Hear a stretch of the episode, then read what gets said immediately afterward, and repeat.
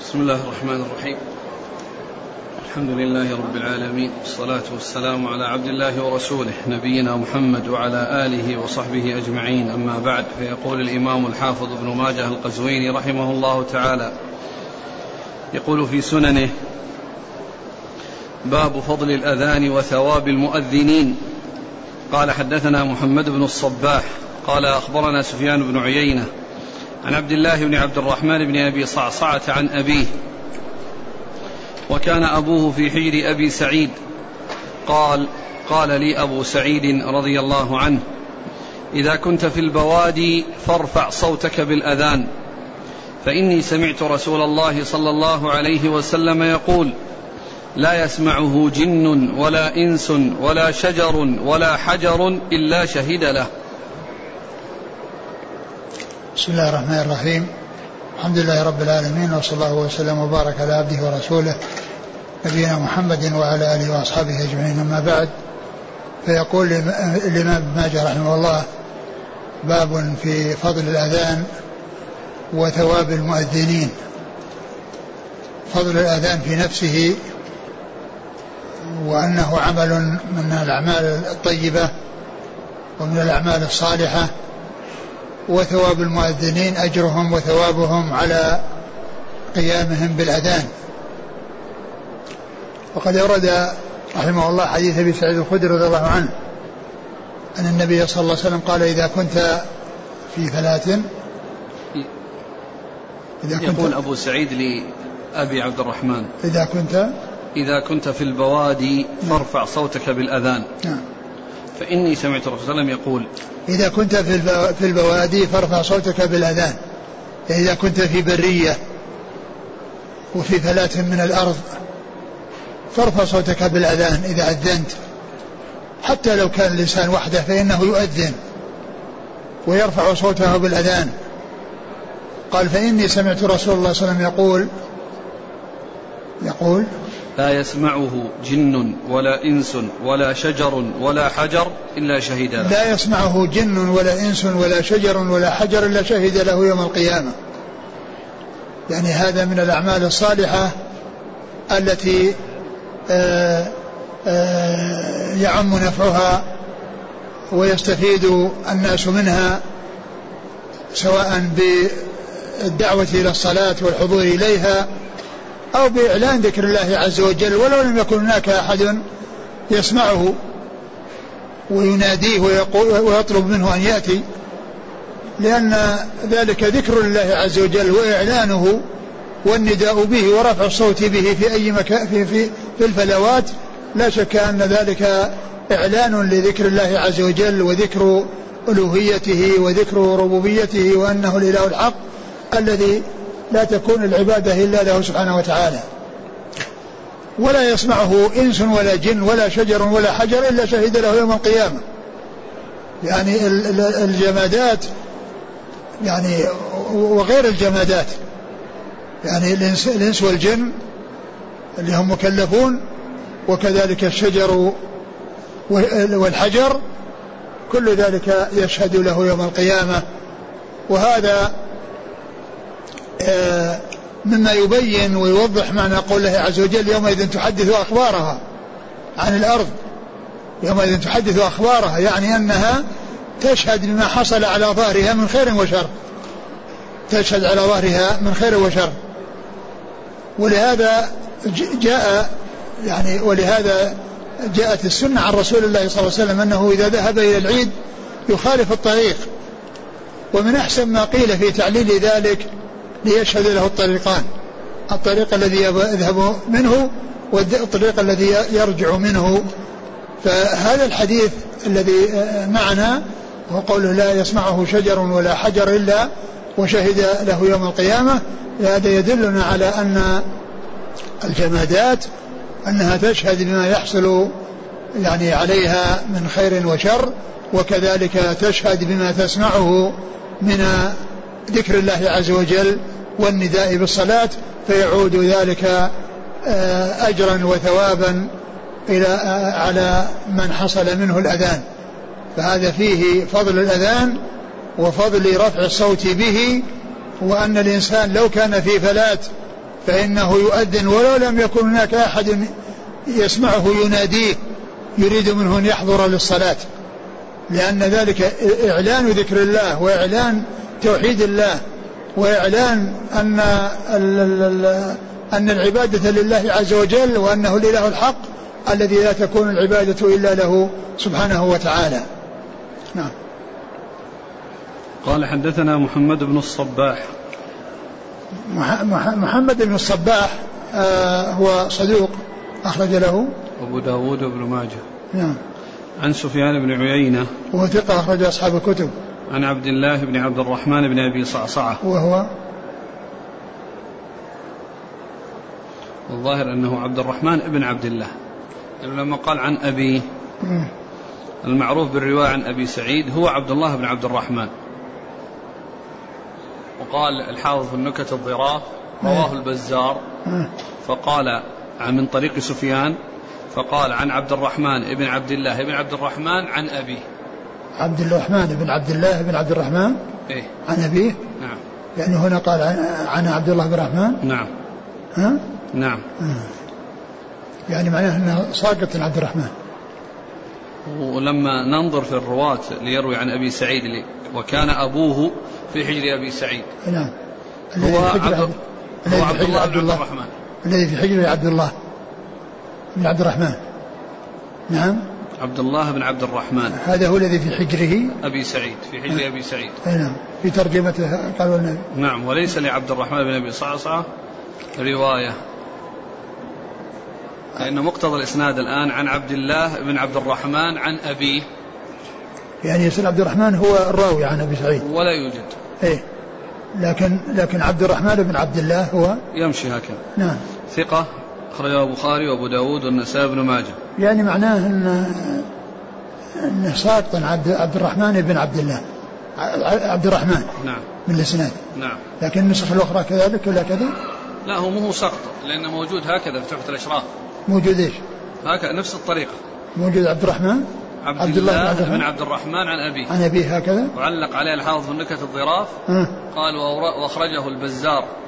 في مسنده من طريق سفيان فقال عن عبد الرحمن بن عبد الله عن, أبيه. إيه. طيب. أبوه عبد الله بن عبد الرحمن بن صعصع ثقة أخرج البخاري وأبو داود والنسائي بن ماجه. نعم. عن أبي سعيد. سعد بن مالك بن سنان وهو ممن أكثر رواية عن رسول الله صلى الله عليه وسلم. هل في الحديث دليل على وجوب الأذان؟ الأذان لا شك أنه واجب لكن آه، إذا ترك نسيانا فإنه لا لا لا يؤثر. يعني لو ترك الأذان أو الإقامة فإن ذلك لا يؤثر شيئا على صحة الصلاة. قال حدثنا أبو بكر بن أبي شيبة قال حدثنا شبابة قال حدثنا شعبة عن موسى بن أبي عثمان عن أبي يحيى عن أبي هريرة رضي الله عنه أنه قال سمعت رسول الله صلى الله عليه وسلم يقول المؤذن يغفر له, يغفر له مدى صوته ويستغفر له كل رطب ويابس وشاهد الصلاة يكتب له خمس وعشرون حسنة ويكفر له ما بينهما. ثم ذكر حديث أبي هريرة أنه قال المؤذن قال المؤذن يغفر له مدى صوته. المؤذن يغفر له مدى صوته.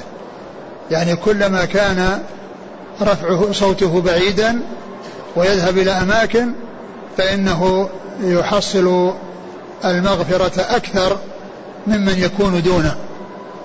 وعلى هذا فرفع الصوت بالأذان مطلوب وكلما بعد واستفاد منه يعني من يصل إليه فإن ذلك يكون زيادة في أجره وزيادة في حط سيئاته وزيادة حسناته.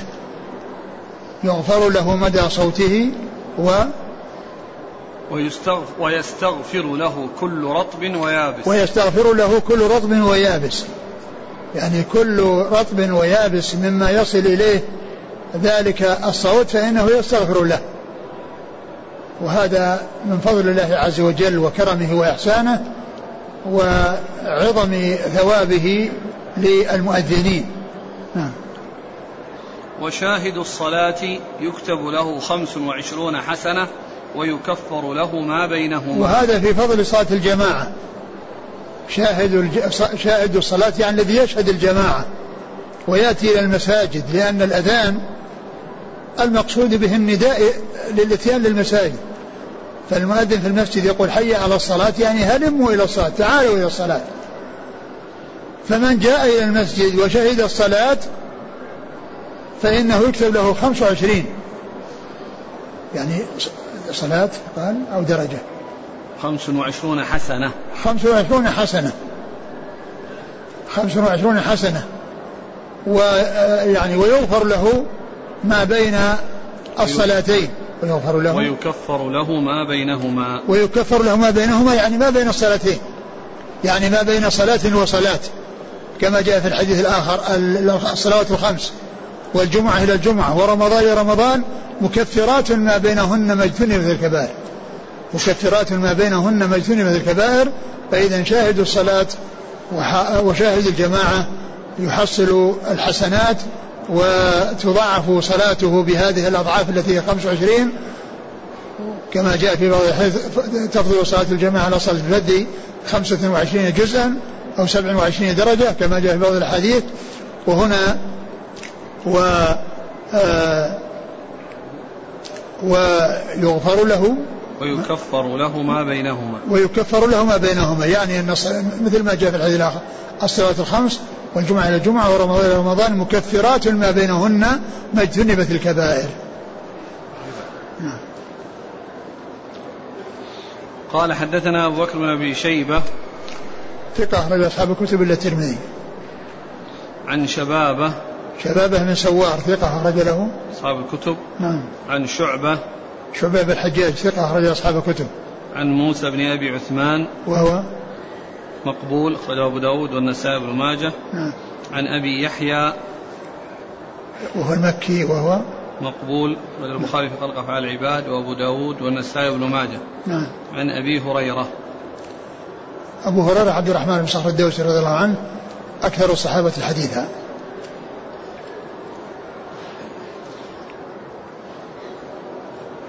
هل هذا الحكم يختلف مع وجود مكبرات الصوت التي توصل الصوت إلى أماكن بعيدة. الذي يبدو أنه لا فرق.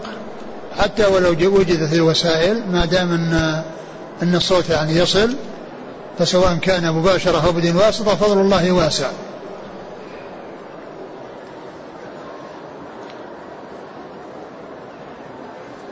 قال حدثنا محمد بن بشار وإسحاق بن منصور.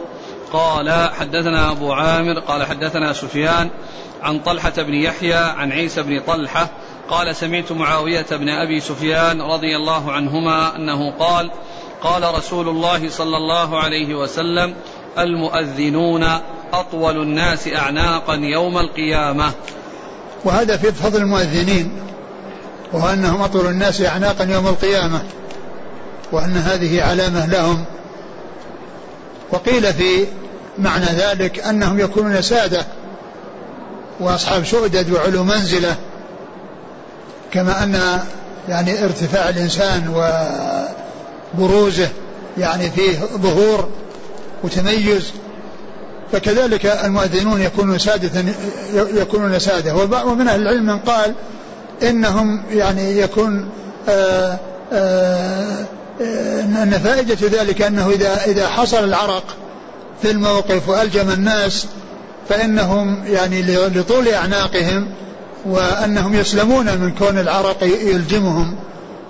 وعلى كل حال فالحديث يدل على فضل الأذان وقد آه، آه، آه، ذكره الرسول صلى الله عليه وسلم مبينا فضل فضل الأذان والمؤذنين. نعم. قال حدثنا محمد بن بشار ثقة أخرج أصحاب الكتب. وإسحاق بن منصور هو الكوسج ثقة أخرج أصحاب الكتب إلا أبا داود. عن أبي عامر. هو العقدي عبد الرحمن عبد الرحمن عبد الملك بن عمرو وهو ثقة أخرج أصحاب الكتب. عن سفيان. سفيان و و و جاء في النسخة التي في عمل الشيخ ناصر عثمان بدل سفيان. وهو خطأ تصحيف. وسفيان هو الثوري وهو ثقة أخرج أصحاب الكتب. عن طلحة بن يحيى. وهو صدوق يخطئ غير مسلم وأصحاب السنن. نعم. عن عيسى بن يح... عن عيسى بن طلحة. عن عيسى بن طلحة بن عبيد الله وهو ثقة أخرج له. أصحاب الكتب. نعم. عن معاوية بن أبي سفيان. رضي الله عنه أخرج له أصحاب الكتب. هل هذه الفضائل تنال من أذن ولو بعض الأحيان؟ الذي يبدو أن أنه ليس من أذن يعني بعض الأحيان أو وجد من الأذان في حال من الأحوال وإنما هم مؤذنين. المؤذن الذي هو قائم بهذه المهمة والذي هو منتصب لهذه المهمة وملتزم بهذه المهمة. أما إنسان يؤذن يوم من الأيام هذا من يقال أنه مؤذن.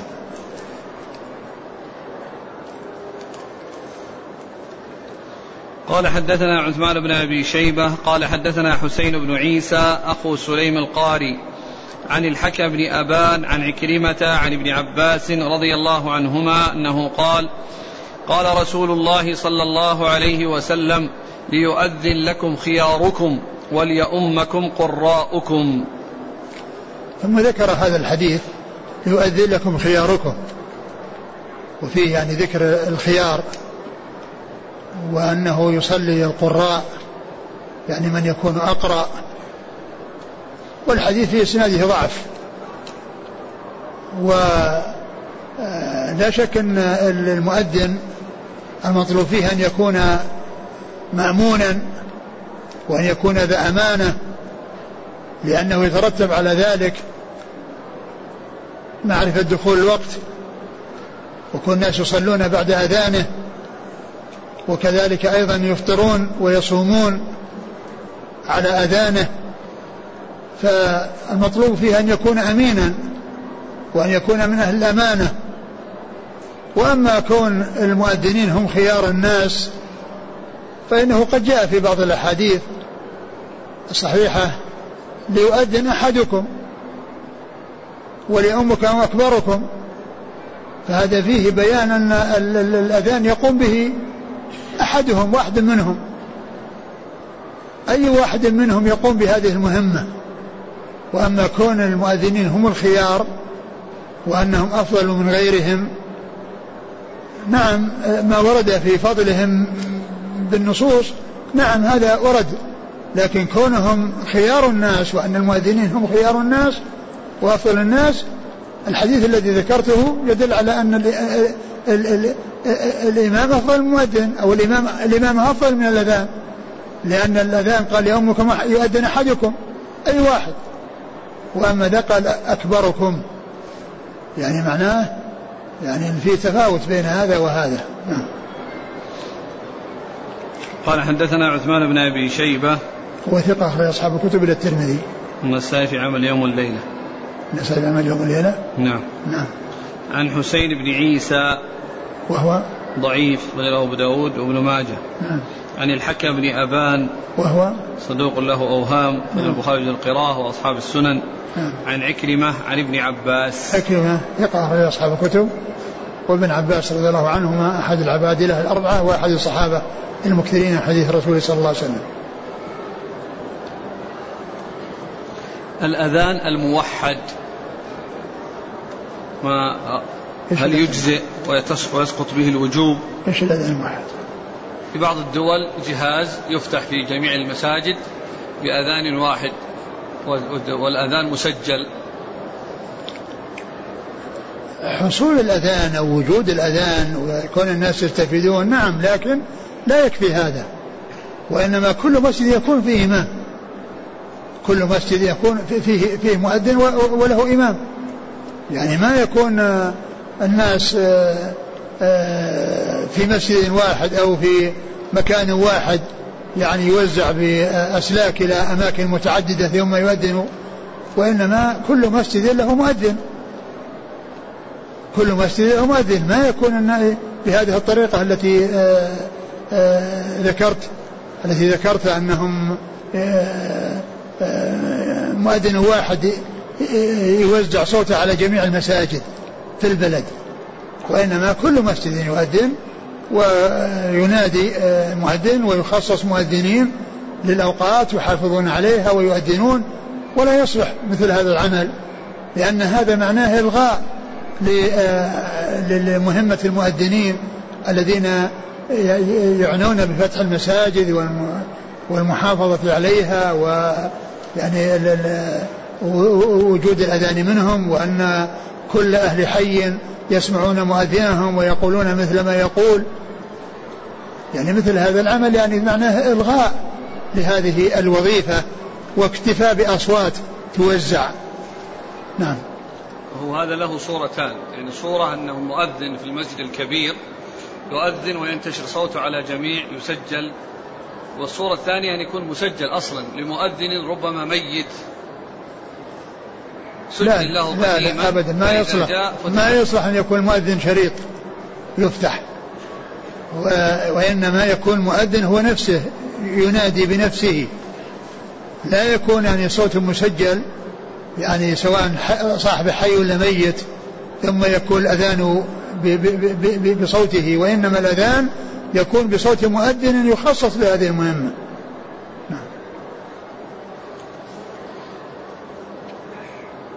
قال حدثنا أبو كريب قال حدثنا مختار بن غسان قال حدثنا حفص بن عمر الأزرق البرجمي. عن جابر عن عكرمة عن ابن عباس رضي الله عنهما حا قال وحدثنا روح بن الفرج. قال حدثنا علي بن الحسن بن شقيق. قال حدثنا أبو حمزة عن جابر عن عكرمة عن ابن عباس رضي الله عنهما أنه قال قال رسول الله صلى الله عليه وسلم من أذن محتسبا سبع سنين كتب الله له براءة من النار. ثم ذكر هذا الحديث عن ابن عباس. نعم. قال من أذن سبع سنين محتسبا كتب الله له براءة من النار. لسبع سنين محتسبا يعني آه، يرجو الثواب من الله عز وجل ولا يأخذ على الأذان أجرا. فإن جزاءه أن يكتب له براءة من النار وذلك بأن يسلم من دخولها ويكون من أهل الجنة. لكن الحديث إسناده جابر الجعفي وهو متكلم فيه. نعم. قال حدثنا أبو كريب. محمد بن العلاء بن كريب ثقة من أصحاب الكتب. عن مختار بن غسان. وهو مقبول أخرجه ابن ماجه. نعم. عن حفص بن عمر الأزرق. وهو مستور أخرجه ابن ماجه. نعم. عن جابر. وهو جزيل الجعفي ضعيف أخرجه أبو داود والترمذي وابن ماجه. نعم. عن عكرمة عن ابن عباس. نعم. ها قال وحدثنا روح بن الفرج. هو صدوق رجل ابن ماجه. نعم. عن علي بن الحسن بن شقيق. وهو ثقة رجل أصحاب الكتب. نعم. عن أبي حمزة. هو سكري وهو ثقة رجله أصحاب الكتب. محمد بن ميمون. نعم. وهو ثقة رجل أصحاب الكتب. عن جابر عن يقال له السكري ليس نسبة إلى السكر وإنما نسبة إلى حلاوة المنطق وحلاوة الكلام واللسان فهي نسبة كما يقولون إلى غير ما يسبق إلى الذهن. إلى ما لا يسبق إلى الذهن. يعني اللي يسبق الذهن يعني أنه يبيع السكر أو أنه يعني يعمل السكر ولكنها هذه النسبة ليست من هذا القبيل وإنما لكونه يعني منطقه حسن وحلو المنطق ومن أجل ذلك قيل له السكري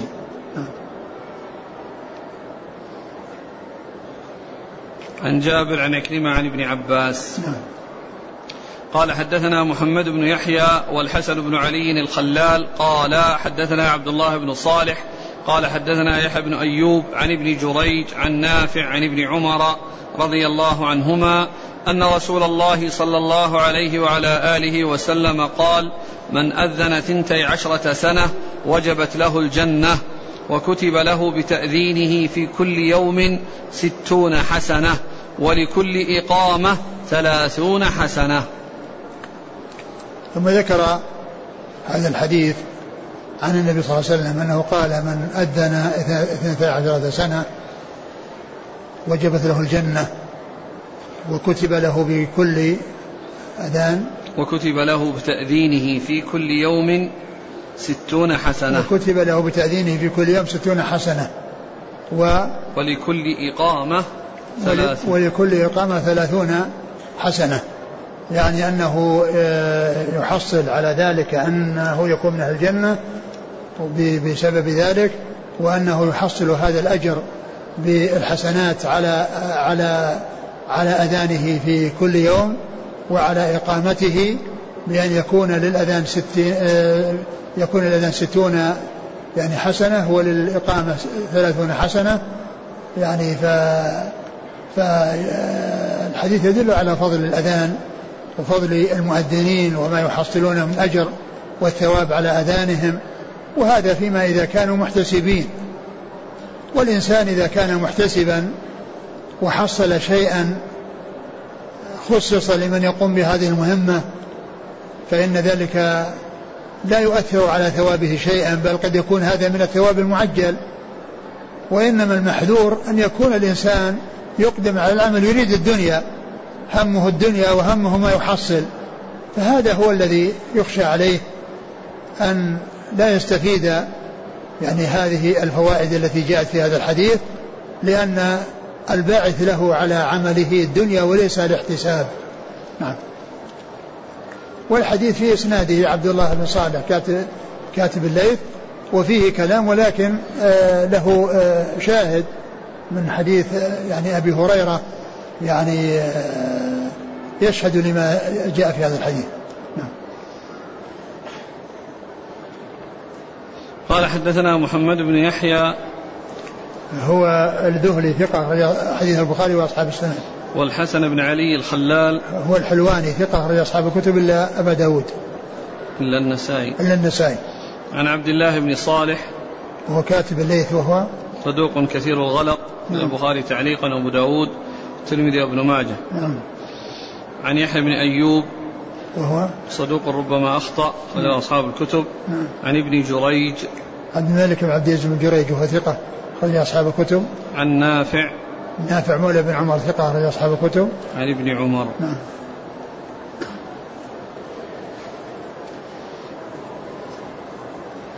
هنا البصيري ذكر إسناد آخر.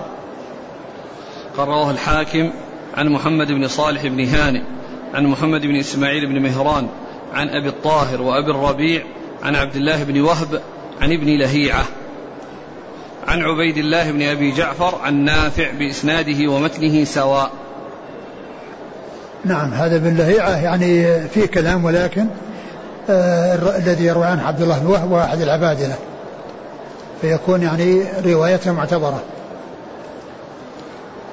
والصحابي من هو؟ عن نافع بإسناده ومتنه. نافع بن عمر. نعم هذا متابع يعني. نعم. يقول إذا وصلت المسجد ووجدت الناس قد صلوا هل لي أن أؤذن؟ لا. ليس لك أن تؤذن وإنما صلي بدون أذان. يقيم. وإذا أقام لا بأس. له أن يقيم. لكن الأذان ما يحتاج إلى أذان. هذا يذكر أن هذا موجود عندهم. يقول عندنا أناس إذا فاتتهم الصلاة كل واحد منهم يؤذن في ناحية المسجد ويصلون كل واحد على حدة. فما توجيهكم؟ كل واحد على حدة؟ يتفرقون؟ وقد, وقد يسر الله لهم الاجتماع. الرسول صلى الله عليه وسلم لما جاء رجل قد فاتته الصلاة قال من يتصدق على هذا فيصلي معه؟ يعني أراد أن توجد الجماعة ولو عن طريق الصدقة. فكيف إذا لم يكن حاجة إلى الصدقة؟ وهؤلاء جماعة كل واحد فاتت الصلاة فيصلون. يصلون جميعا ولا يتفرقون ولا يؤذنون. كل واحد في ناحية يؤذن يصلون بإقامة وبدون أذان. لأن الأذان خلص الناس الناس أذنوا وجاءوا وصلوا وراحوا. فهؤلاء فاتتهم الصلاة يقيمون الصلاة ويصلون. من يقضي الصلاة؟ هل له أن يقيم؟ وماذا لو ترك الإقامة؟ ما يؤثر. أنا قلت يعني لو وجد حصلت الصلاة بدون أذان أو بدون إقامة فإنها تصح. الأذان بالنسبة للنساء والإقامة ما حكمه؟ النساء لا يؤذن ولا يقمن. بدون يصلين بدون أذان وإقامة. يقول شخص في البوادي أو في واد من الوديان وحان وقت الأذان وهو في رجوعه إلى القرية وسيصلي في مسجد القرية. هل له أن يؤذن إذا حان الأذان مع أنه سيصلي في مساجد القرية؟ لا ما دام أنه يعني آه، ما هو ما هو مصلي فإنه لا يؤذن. يسأل يقول مع هذا الفضل العظيم للمؤذنين إلا أنه لم يرد عن النبي صلى الله عليه وسلم أنه أذن مطلقا. فما الحكمة؟ الله أعلم. قال رحمه الله تعالى باب إفراد الإقامة. قال حدثنا عبد الله بن الجراح قال حدثنا المعتمر بن سليمان عن خالد الحذاء عن أبي قلابة عن أنس بن مالك رضي الله عنه أنه قال التمسوا شيئا يؤذنون به علما للصلاة. فأمر بلال أن يشفع الأذان ويوتر الإقامة. أعد. عن أنس قال التمسوا شيئا التمسوا التمسوا. شيئا يؤذنون به علما للصلاة. فأمر بلال أن يشفع الأذان ويوتر الإقامة. يعني هذا مثل ما تقدم الأحاديث المتعلقة في بدء الأذان. باب. وأنهم التمسوا يعني بسبب باب السبب. الباب. الباب إيش؟ باب إفراد الإقامة. باب إفراد الإقامة. إفراد الإقامة يعني جعل ألفاظها مفردة. وهذا يعني في الغالب وإلا فإن قد قامت الصلاة فإنها مكررة يؤتى بها مرتين. وأما بالنسبة الله أكبر الله أكبر يعني في الأول وفي الآخر فإن التي في الأول اختصرت إلى النصف لأن فيها الله أكبر الله أكبر الله أكبر الله أكبر. يعني ذهب منها واحدة فبقيت الله أكبر الله أكبر لأنها تعتبر جملة واحدة. وإن كانت كلمتين إلا أنها في جملة واحدة يؤتى بها بنفس واحد. مثل ما جاء في آخر آخر الإقامة فإنه فإنها لا لا تختصر من من اثنتين إلى واحدة وإنما يقال الله أكبر الله أكبر.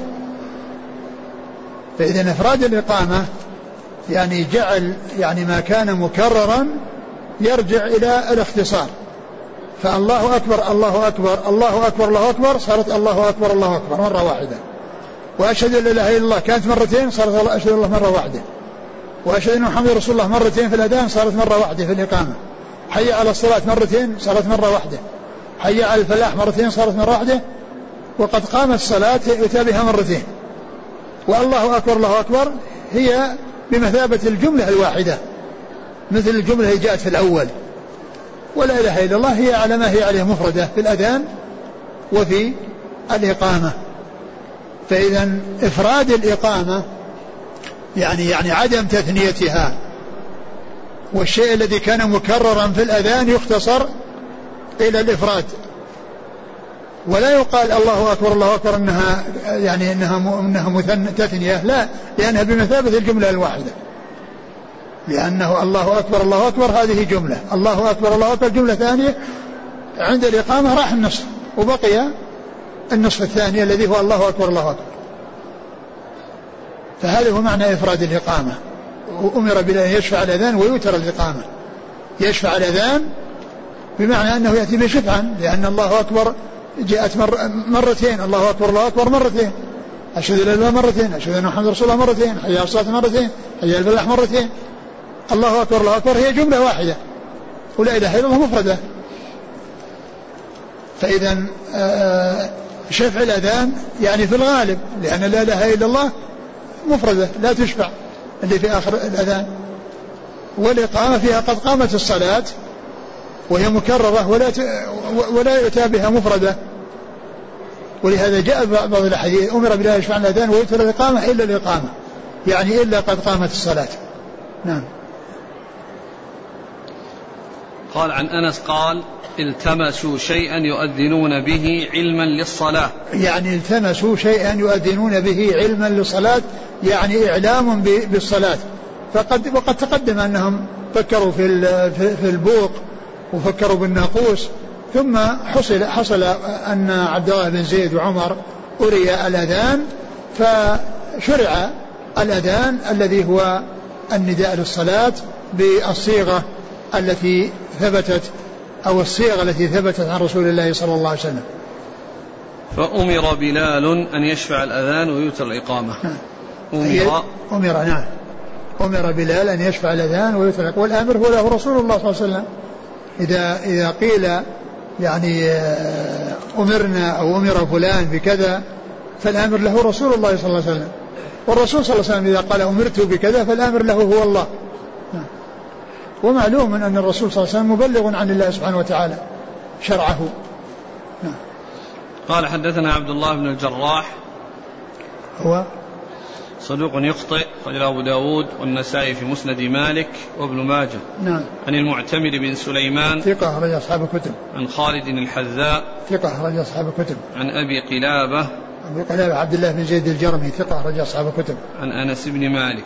رضي الله عنه خادم الرسول صلى الله عليه وسلم. قال حدثنا نصر بن علي الجهضمي قال حدثنا عمر بن علي عن خالد الحذاء عن أبي قلابة عن أنس رضي الله عنه أنه قال أمر بلال أن يشفع الأذان ويوتر الإقامة. نعم مثل هذا. قال حدثنا نصر بن علي الجهضمي ثقة أخرج أصحاب الكتب. عن عمر بن علي وهو؟ ثقة أخرج أصحاب الكتب. عن خالد الحذاء عن أبي قلابة عن أنس. نعم. قال حدثنا هشام بن عمار قال حدثنا عبد الرحمن بن سعد بن عمار بن سعد مؤذن رسول الله صلى الله عليه وسلم. قال حدثني أبي عن أبيه عن جده رضي الله عنه أن أذان بلال كان مثنى مثنى وإقامته مفردة. ثم ذكر هذا الحديث وهو في إسناده ضعف لكنه موافق للحديث الدالة على شفع الأذان وإيتار الإقامة. قال كان أذان بلال مثنى مثنى والإقامة مفردة. يعني مثل قوله أمر بلال يشفع الأذان ويوتر الإقامة. أن يشفع الأذان ويوتر الإقامة يشفع يعني مثنى مثنى. لأن فيها الله أكبر الله أكبر الله أكبر أكبر. اثنتين. أشهد أن الله مرتين. أشهد أن محمد رسول الله مرتين. حي على الصلاة مرتين. حي على الفلاح مرتين. ثم الله أكبر الله أكبر مفردة. ولا إله إلا الله مفردة. وأما الإقامة فإنها على النصف من الشيء الذي آه، متكرر. فتكون الله أكبر الله أكبر جملة واحدة. أشهد أن الله مرة واحدة. أشهد أن محمد رسول الله مرة واحدة. حي على الصلاة مرة واحدة. حي الفلاح مرة واحدة. ويؤتى بقد قام الصلاة مرتين. ويؤتى بالله أكبر الله أكبر لأنها جملة واحدة. يعني تعتبر يعني جملتان ولكنها بمثابة آه، جملة يؤتى بها في نفس واحد. ليست كل جملة على حدة. ولا إله إلا الله. كلمة مفردة. يعني هي مفردة في آخر الإقامة وفي آخر الأذان. قال حدثنا هشام بن عمار. صدوق رواه البخاري وأصحاب السنة. عن عبد الرحمن بن سعد بن عمار بن سعد. وهو مقبول أخرج له ضعيف. ضعيف أخرجه ابن ماجه. عن أبيه. وهو مستور. أخرجه ابن ماجه. نعم. عن ابيه وهو مقبول. أخرجه ابن ماجه. ابن ماجه. عن, عن جده. رضي الله عنه سعد سعد القرض وهو أخرجه ابن ماجه. يقول المعمول به عندنا في البلد أنهم يفردون قد قامت الصلاة مرة واحدة فهل ورد في ذلك شيء؟ ما أعلم يعني في هذا شيء. أقول ما أعلم شيء يعني في إفراده لأن قد قام ما تأتي إلا في الإقامة. لا تأتي في الأذان وهي قد جاءت مرتين ما جاءت مرة واحدة.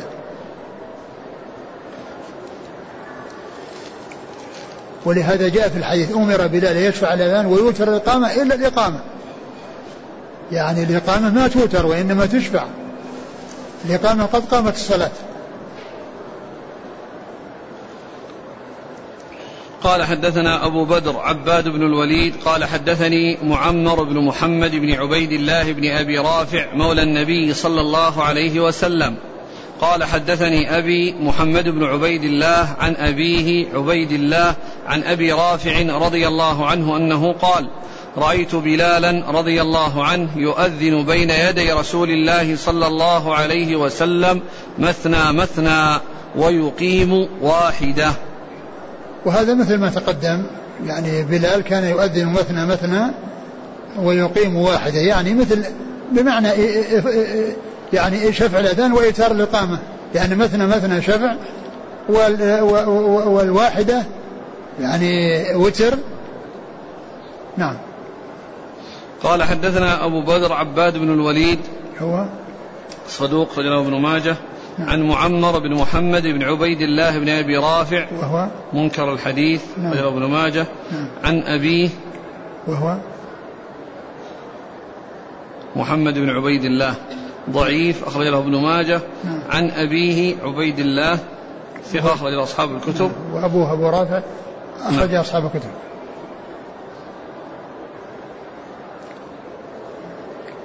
ولكن متنه موافق للأحاديث الأخرى وإن كان فيه ضعف قال رحمه الله تعالى باب إذا أذن وأنت في المسجد فلا تخرج.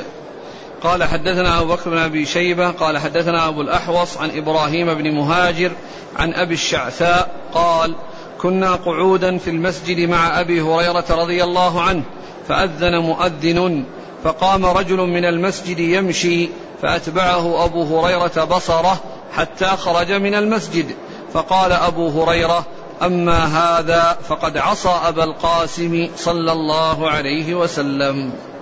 ثم ذكر ابن ماجه رحمه الله هذه ترجمة باب في الخروج من المسجد.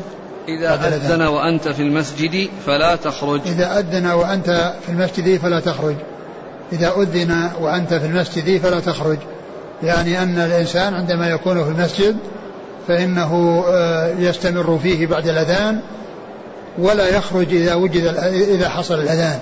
يخرج قبل الأذان لكن لا يخرج بعده وذلك لأن الأذان فيه دعوة الناس للحضور فليس له أن ينصرف وأن يخرج إلا إذا كان لأمر لا بد منه كأن يكون يعني عليه جنابة يعني كان نائما فأجنب أو كان يعني محدثا يريد أن يتوضأ.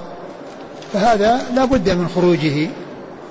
وإنما المحذور أن يخرج وهو ليس عنده هذا العذر وهو على وضوء وليس هناك. أو يكون هناك أيضا قد يكون الإنسان يعني إمام مسجد آخر لكن ينبغي لمثل هذا أن أن ينصرف قبل الأذان أن يعمل على انصرافه قبل الأذان إذا كان إماما في مسجد. وإنما الشيء الذي لا بد منه هو كونه يخرج للاغتسال حيث يكون جنبا أو للوضوء حيث يكون محدثا. وأما غير ذلك فإنه يبقى في المسجد ولا يخرج لأن الشيطان هو الذي يهرب إذا سمع الأذان كما جاء في الحديث إذا أذن المؤذن ولل الشيطان وله ضراط. فإذا فرغ الأذان رجع وصار يوسوس على الناس فإذا ثوب بالإقامة أيضا ذهب. فيكون آه، في عمله هذا مشابه للشيطان. الذي يفر ويخرج من المسجد عند الأذان أو بعد الأذان. آه، آه، شيء الحديث. قال أبو الشعثاء كنا قعودا في المسجد مع أبي هريرة نعم. فأذن مؤذن فقام رجل من المسجد يمشي فأتبعه أبو هريرة بصرة حتى خرج من المسجد. فقال أبو هريرة أما هذا فقد عصى أبا القاسم صلى الله عليه وسلم. يعني كانوا في المسجد فأذن المؤذن فرأى أبو هريرة رضي الله عنه رجلا يمشي متجها إلى الباب ليخرج فلما رآه قد خرج وقد أتبعه بصره قال أما هذا فقد عصى أبا القاسم صلى الله عليه وسلم. وهذا يدل على أن على على النهي عن الخروج بعد الأذان. لأن في لأن كون لأن حصول المعصية إنما تقع في مخالفة نهي يعني آه، من رسول الله صلى الله عليه وسلم. فيعني هذا يدل على رفعه وأن هذا مضاف إلى الرسول صلى الله عليه وسلم وأن الرسول صلى الله عليه وسلم قد نهى عن الخروج. فيكون الذي يخرج بعد الأذان قد عصى رسول الله صلى الله عليه وسلم. وهو دال على منع الخروج إلا لأمر لا بد منه. نعم. قال حدثنا أبو بكر بن أبي شيبة عن أبي الأحوص. سلام بن سليم الحنفي ثقة رجل أصحاب الكتب. عن إبراهيم بن مهاجر. وهو صدوق. لين الحفظ أخرجه نعم. مسلم وأصحاب السنن. نعم. عن أبي الشعثاء. وأبو الشعثاء هو اسمه؟ آه، سليم بن الأسود المحاربي ثقة أخرجه أصحاب الكتب. نعم. عن أبي هريرة. نعم.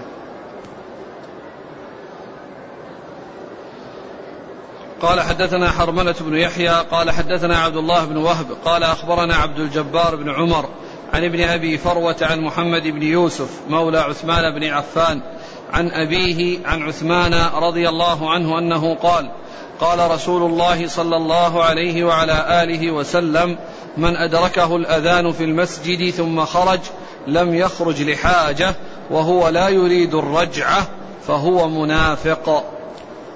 ثم أورد هذا الحديث عن عثمان رضي الله عنه من أذن وهو في المسجد فخرج وهو لا يريد أن يرجع فهو منافق. وهذا يدل على خطورة الذهاب أو الخروج من المسجد بعد الأذان وأن وكما تقدم في الحديث في معصية للرسول صلى الله عليه وسلم وأيضا وصفه بالنفاق لأن المنافقين هم الذين يعني لا يحرصون على الصلاة ولا يهتمون بالصلاة ولا يذكرون الله إلا قليلا. ومجيئهم للصلاة إنما هو يعني آه، نفاقا وليس احتسابا ورجاء للأجر والثواب ولأنهم يظهرون خلاف ما يبطنون. فهذه من علامات المنافقين. فإذا كان حصل منه ذلك وهو لا يريد أن يرجع وإنما إذا كان خرج لحاجة أو أمر يقتضيه وهو يريد الرجوع فهذا يعني معذور. وأما من كان بخلاف ذلك فإنه هو الذي يوصف أو الذي جاء وصفه في هذا الحديث. والحديث في إسناده ضعف ولكنه جاء من طريق أخرى يعني عن أبي هريرة رضي الله عنه آه، شاهدة ومؤيدة لهذا الذي جاء في هذا الحديث. قال حدثنا حرملة بن يحيى. هو تجيبي صدوق أخرج له. مسلم والنسائي بن ماجه. عن عبد الله بن وهب ثقة أخرج أصحاب الكتب. عن عبد الجبار بن عمر هو ضعيف أخرج له. الترمذي وابن ماجه. نعم. عن ابن أبي فروة وهو ضعيف. متروك. متروك. له أصحاب السنن. نعم. عن محمد بن يوسف. وهو مقبول أخرجه نعم. النسائي وابن ماجه. نعم. عن أبيه. وهو مقبول أخرجه النسائي وابن ماجه. نعم. عن عثمان رضي الله عنه. أمير المؤمنين رضي الله عنه وثالث الخلفاء الراشدين الهادي المهديين صاحب المناقب الجمة والفضائل الكثيرة وحديثه أخرجه وحديثه عند أصحاب الكتب الستة. والحديث فيه عدة ضعفاء ولكن فيه حديث ثاني عن أبي هريرة بمعناه وهو عند الطبراني قد ذكره الشيخ الألباني رحمه الله وهو إسناده مستقيم. عدد من الأسئلة. يسأل من خرج من المسجد ليدرك الصلاة في مسجد آخر. كمثل مثلا يذهب إلى مسجد أعظم أجرا كمسجد المسجد النبوي أنا كما قلت أن كون الإنسان يعني يجلس أو يتعلم ثم يخرج يعني ليكون إماما يعني في مسجد ثاني يصلي فيه ينبغي له أن يخرج قبل الأذان. ينبغي له أن يخرج قبل الأذان حتى يسلم. وحتى يعني آه، لا يحصل آه، النظر إليه. على اعتبار أنه يعني بعض الناس قد لا يدرون ف يعني يلومونه أو يعتبرونه يعني أنه سيء وأن عمله سيء فعليه أن يخرج قبل الأذان يحسب حساب يخرج قبل الأذان. فكذلك من أراد أن يذهب إلى مسجد أفضل فإنه يخرج من المسجد قبل الأذان. يقول نحن طلاب الجامعة وعندنا درس مسائي نخرج بعد أذان العشاء لنصلي في الجامعة. يخرجون منين؟ من المسجد النبوي. لا ما ينبغي هذا. إذا خرج إذا أردتم الخروج اخرجوا قبل الأذان. أما أن تخرجوا بعد الأذان فهذا لا يصلح. ثم أيضا أنتم في مكان الصلاة فيه بألف صلاة وتذهبون إلى مكان فيه الصلاة صلاة واحدة صلاة واحدة. ف يعني إذا كنتم تريدون أن تحصلوا الدرس والدرس يعني يمكن أن تحصلوه عن طريق الشريط إذا كان مسجلا. وبذلك تجمعون بين الحسنيين. وإذا كنتم ولا بد تريدون أن تذهبوا فاخرجوا قبل الأذان. الخروج أثناء الأذان. كذلك. يعني سواء بعد الأذان أو أثناء الأذان نتيجة واحدة. قال رحمه الله تعالى كتاب المساجد والجماعة. باب من بنى لله مسجدا. قال حدثنا أبو بكر بن أبي شيبة قال حدثنا يونس بن محمد قال حدثنا ليث بن سعد حاء قال وحدثنا أبو بكر بن أبي شيبة قال حدثنا داود بن عبد الله الجعفري عن عبد العزيز بن محمد جميعا عن يزيد بن عبد الله بن أسامة بن الهاد عن الوليد بن أبي الوليد عن عثمان بن عبد الله بن سراقة العدوي عن عمر بن الخطاب رضي الله عنه أنه قال سمعت رسول الله صلى الله عليه وسلم يقول من بنى مسجدا يذكر فيه اسم الله بنى الله له بيتا في الجنة. ثم قال كتاب المساجد والجماعة. وثم أورد آه هذا الحديث باب من بنى لله باب من بنى لله مسجدا. باب من بنى يعني فضل وثواب من بنى لله مسجدا. المساجد هي لله عز وجل وتبنى لعبادة الله ولإقامة ذكر الله. فبناؤها ثوابه عظيم وجزيل عند الله سبحانه وتعالى لأن فيه تهيئة أماكن العبادة وعمارتها وعمارتها والقيام بما تحتاج إليه. مما يتمكن الناس فيه من أداء الصلوات فيها براحة وطمأنينة فإن الثواب في ذلك عظيم عند الله عز وجل. وقد أورد ابن ماجه رحمه الله عدة أحاديث بهذا اللفظ من بنى لله مسجدا بنى الله له بيتا في الجنة لأن الجزاء من جنس العمل. فكما بنى بيتا لله عز وجل في الدنيا يذكر الله عز وجل فيه. وتؤدى فيه الصلاة فإن الله تعالى يثيبه بأن يبني له بيتا في الجنة فيكون الجزاء من جنس العمل. العمل بناء مسجد لله عز وجل وبيت من بيوت الله يذكر الله عز وجل فيه والجزاء أن يبنى له بيت في الجنة آآ آآ آآ يدخل الجنة ويكون من أهلها ويحصل هذا البيت فيها الذي كان ثوابا على بنائه المسجد. وقد أورد ابن ماجه عدة أحاديث بهذا اللفظ وبهذا المعنى وأن ذلك آه، يترتب عليه الثواب بأن يبنى له بيت مثله في الجنة فيكون بذلك الجزاء من جنس العمل. نعم. قال حدثنا أبو بكر بن أبي شيبة عن يونس بن محمد. هو؟ ثقة أخرج أصحاب الكتب. نعم. عن ليث بن سعد. ثقة أخرج أصحاب الكتب. حا قال وحدثنا أبو بكر بن أبي شيبة عن داود بن عبد الله الجعفري. وهو؟ صدوق ربما أخطأ أخرج البخاري تعليقا وابن ماجه. نعم. عن عبد العزيز بن محمد. درى وردي صدوق أخرج أصحاب الكتب. عن يزيد بن عبد الله بن أسامة بن الهاد. ثقة أخرج أصحاب الكتب. عن الوليد بن أبي الوليد. وهو؟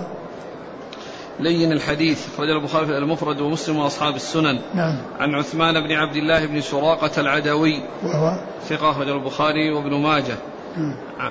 عن عمر بن الخطاب. رضي الله عنه أمير المؤمنين وثاني الخلفاء الراشدين الهاديين المهديين صاحب المناقب الجمة والفضائل الكثيرة وحديثه عند أصحاب الكتب الستة.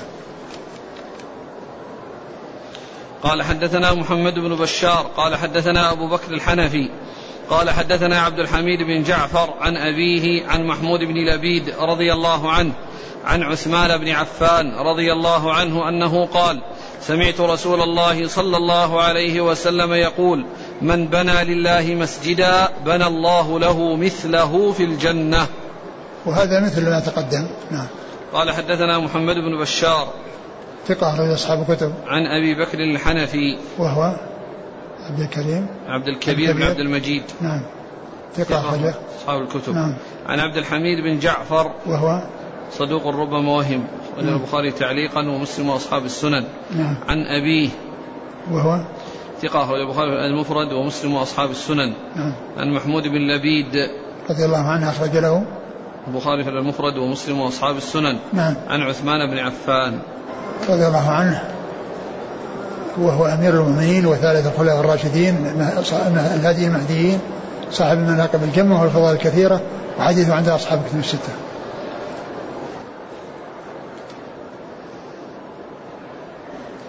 قال حدثنا العباس بن عثمان الدمشقي قال حدثنا الوليد بن مسلم عن ابن لهيعة قال حدثني أبو الأسود عن عروة عن علي بن أبي طالب رضي الله عنه أنه قال قال رسول الله صلى الله عليه وسلم من بنى لله مسجدا من ماله بنى الله له بيتا في الجنة.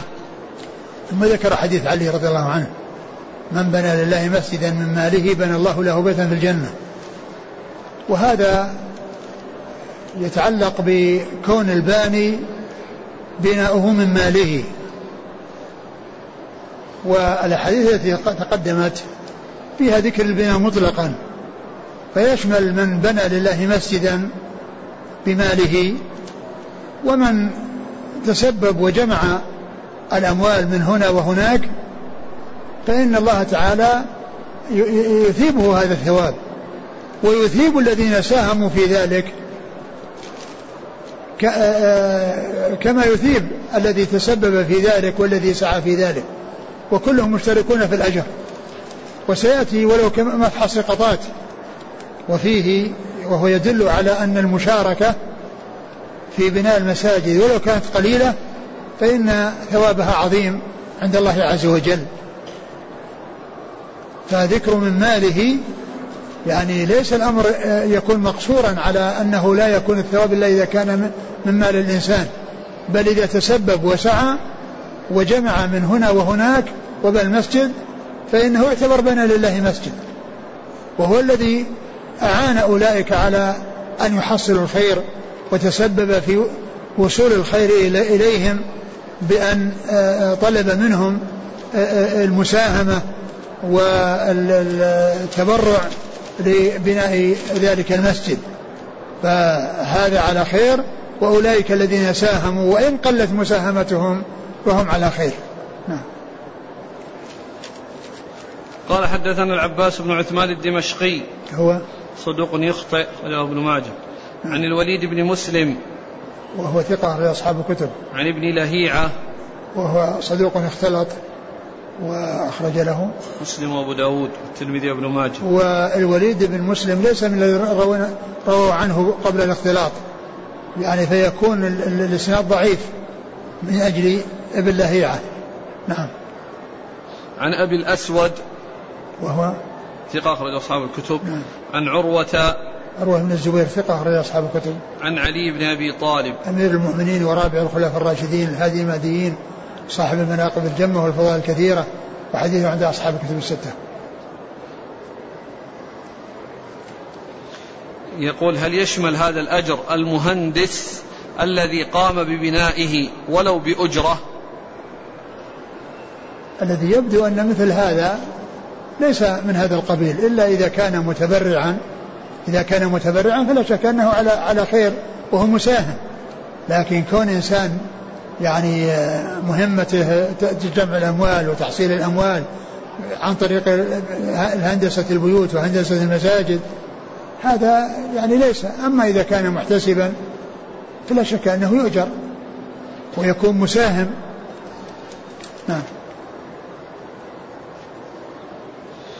قال حدثنا يونس بن عبد الأعلى قال حدثنا عبد الله بن وهب عن إبراهيم بن نشيط عن عبد الله بن عبد الرحمن بن أبي حسين النوفلي عن عطاء بن أبي رباح عن جابر بن عبد الله رضي الله عنهما أن رسول الله صلى الله عليه وسلم قال من بنى مسجدا لله كمفحص قطاه أو أصغر بنى الله له بيتا في الجنة. ثم ذكر هذا الحديث عن جابر بن عبد الله رضي الله عنهما أن النبي صلى الله عليه وسلم قال من بنى لله مسجدا ولو كمفحص قطات بنى الله له بيتا في الجنة. مفحص القطات هو المكان الذي تفحصه من الأرض لتجمع فيه عشها وبيضها وهو مكان صغير. وقد فسر معناه بمعنى أنه إما أن يكون مبالغة وأن المسجد مهما صغر فإن أجره عظيم وأن الله يثيب عليه بيتا في الجنة وأن ذلك الثواب لا يكون لما يكون كبيرا من المساجد بل أي مسجد يبنيه الإنسان ولو صغر فإن الله يثيبه بأن يبني بيتا في الجنة. وفسر بأن المقصود من ذلك بأن يساهم في البنيان سواء بفعله أو بماله ولو كان ذلك شيئا يسيرا ففضل الله واسع. وأن من بنى المسجد كاملا فإن الله تعالى يثيبه هذا الثواب. ومن يعني من من آه، آه، ساهم في شيء قليل أو فعل فعلا يعني في البناء مباشرة البناء فإن الله يثيبه. فإذا مفحص خطأت إما أن يكون مبالغة في أن المسجد وإن صغر فإن الله يثيب عليه ببناء بيت في الجنة. أو المقصود من ذلك أنه ساهم وشارك في البناء سواء بماله أو بفعله بحيث يكون حصل منه شيء يسير مثل هذا المقدار الذي هو مبحث خطأت والذي جاء في الحديث. نعم. قال حدثنا يونس بن عبد الأعلى. هو؟ ثقة أخرجه مسلم والنسائي بن ماجه. نعم. عن عبد الله بن وهب عن إبراهيم بن نشيط. نعم هو؟ ثقة أخرجه البخاري المفرد وأبو داود والنسائي بن ماجه. نعم. عن عبد الله بن عبد الرحمن بن أبي حسين النوفلي. وهو؟ ثقة أخرجه أصحاب الكتب. نعم. عن عطاء بن أبي رباح. ثقة أخرج أصحاب الكتب. عن جابر بن عبد الله. رضي الله عنهما وهو أحد السبع المكثرين من حديث رسول الله صلى الله عليه وسلم. انتهى الباب. نعم. والله أعلم وصلى الله وسلم وبارك على عبده ورسوله نبينا محمد وعلى آله وأصحابه أجمعين.